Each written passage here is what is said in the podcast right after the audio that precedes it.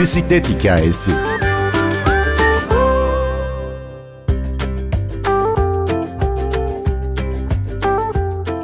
...104. Fransa bisiklet turu tamamlandı. Chris Froome, Tour de France kariyerindeki dördüncü zaferini kazandı.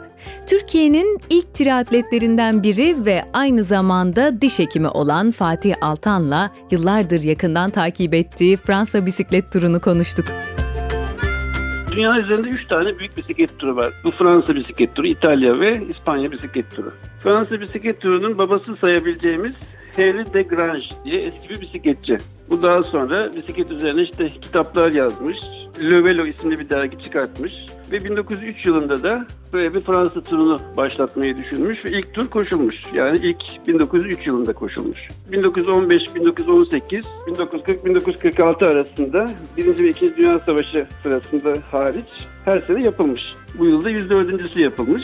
Tabii ki bu yarış Fransa turu adı ama bunun Fransa'da başlaması şart değil. Son zamanlarda başka ülkelerde, İngiltere'de, değişik yerlerde başlayabiliyor. Hatta aynı tur birkaç memleketten de geçebiliyor. 1975 yılından beri de mutlaka Paris'te Şanzelize'de sonlanıyor. Bu üç büyük tur var dedik dünya üzerinde. Bu turlara her takım katılamıyor tabii ki. Dünya Bisiklet Federasyonu'nun World Team adı verdiği takımlar var. Belli bir bütçeye ve belli bir sporcu puanlamasına sahip olmaları gerekiyor bunların. Belirli kriterleri karşılamaları gerekiyor. Bu sene 18 tane World Team. Zaten dünya üzerinde 18 tane World Team var. Bunlar davet edildi ve ayrıca wildcard olarak da 4 takım. Yani 22 takım katıldı.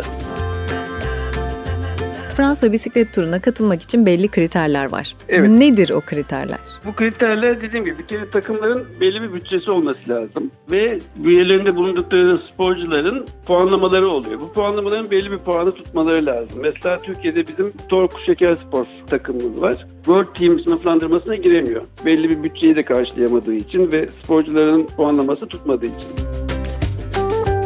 Yani bireysel olarak antrenman yapıp katılmamız söz konusu değil mi? Hayır tabii ki değil. Zaten takımlar katılabiliyor. Bireysel değil. Bireysel eskidenmiş. İlk katıldığında, yapıldığında Fransa turu. Hatta şöyle düşünmüş Henry de Grange. Bir kişi kalana kadar bu yarış devam etti. Bu kadar zor şartlar koşmuş ki mesela eski etaplar 300 kilometrenin üstündeymiş.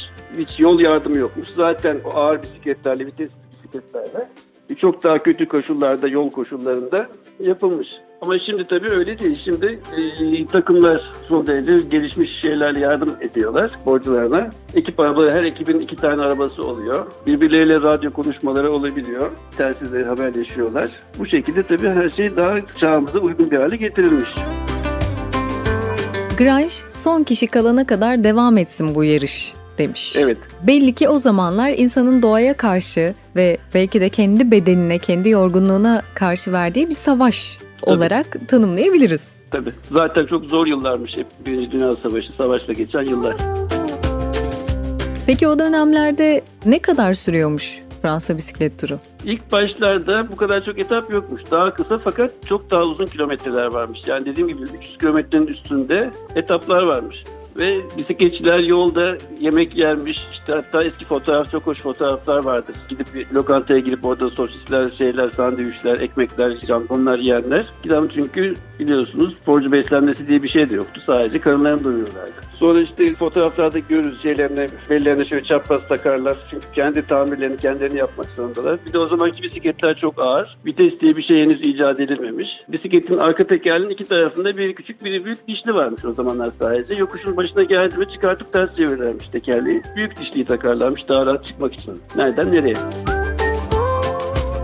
Sarı mayonun alameti farikasını çok merak ediyoruz. Aslında onun için iki tane dedikodu var nasıl oluştuğunu dair ama benim bildiğim kadarıyla bu Henry de Grange'in çıkarttığı Le Velo isimli dergi sarı renkli kağıda basıldığı için sarı yapmışlar. Hatta İtalya turunda La Gazzetta dello Sport pembedir. Onun için de pembedir İtalya turunun formasının rengi. Bir de diyorlar ki etaplar koşulmaya başlayınca De Grange etap birincisine vermek üzere mayo aramış. Adam o sırada gittiği satın alacağı yerde en çok sarı mayo varmış. Sarı renkli mayo varmış. Ondan sonra sarı kalmış diye de bir söylenti var. Dört tane mayo var. Bir tanesi sarı mayo. Sarı mayo genel klasman birincisini taşıdığı mayo. Yani o günkü yarışı, ertesi günkü etabı, üçüncü, dördüncü bütün etapların toplamlarının alındığında en düşük sürede olan kişi sarı mayoyu giyiyor. Kariyerinde bir gün bile sarı mayo giyebilmek aslında bir sporcu için çok büyük bir prestij. İkinci mayo yeşil mayo dediğimiz mayo. Bu da finishlerde ve yarış içi sprint kapılarında en çok puan toplayan sporcunun giydiği mayo oluyor. Mesela çok iyi bir sprinter olan Peter Sagan 5 yıldır üst üste geçtiğimiz yıllar bu sene e, olmadı.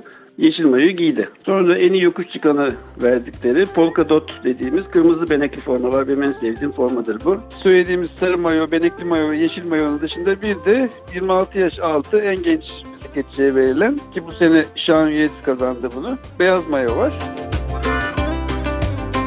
Biraz da tarihten bugüne Fransa bisiklet turunun enlerinden ve ilklerinden bahsetsek. Enlerinden deyince akla ilk başta zaten en çok kazanan geliyor.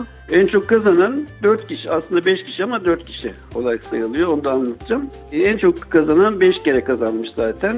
Jacques Anquetil, Eddie Merckx ki dünyanın gelmiş geçmiş bence en büyük bisikletçisidir. Bernard Hinault ve Miguel Indurain. Beşer kere kazanmışlar bunlar. Bir de 7 kere kazanan Lance Armstrong var biliyorsunuz. Ama onun stilinde kazandığı birincilikler. Neden derseniz işte dopingle ilgili skandallar çıktı. Aslında bence itiraf etmediği için elinden alındı. Çünkü daha önce doping yapıp da ben evet yaptım diyen pek çok Fransa turu birincisi var ve hala onların bulunmaları duruyor. Bu yıl tur başlarken favoriler Chris Froome, Fabio Aru, Nairo Quintana, Richie Port, Contador, Roman Bardet gibi bisikletçilerdi. Turu kazanmak için zaten çok iyi bir yokuşçu olmak ve aynı zamanda çok iyi bir saate karşıcı olmak şart. Özellikle saate karşılar da kaybediliyor veya kazanılıyor zaten tur.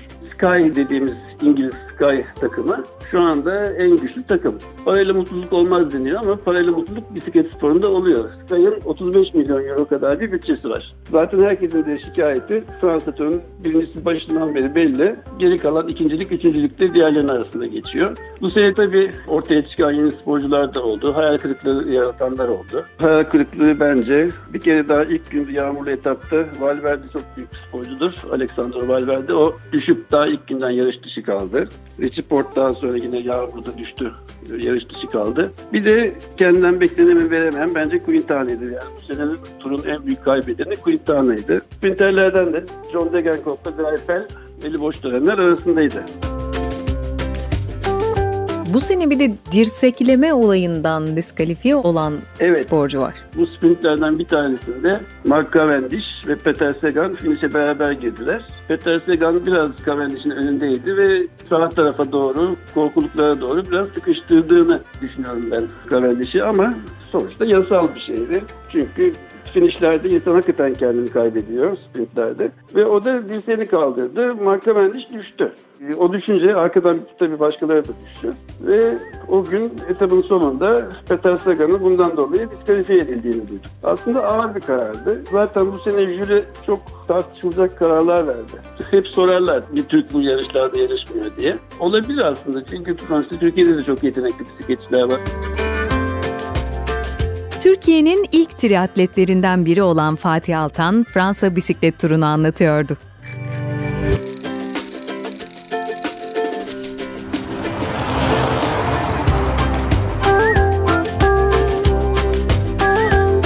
Bir bisiklet hikayesi.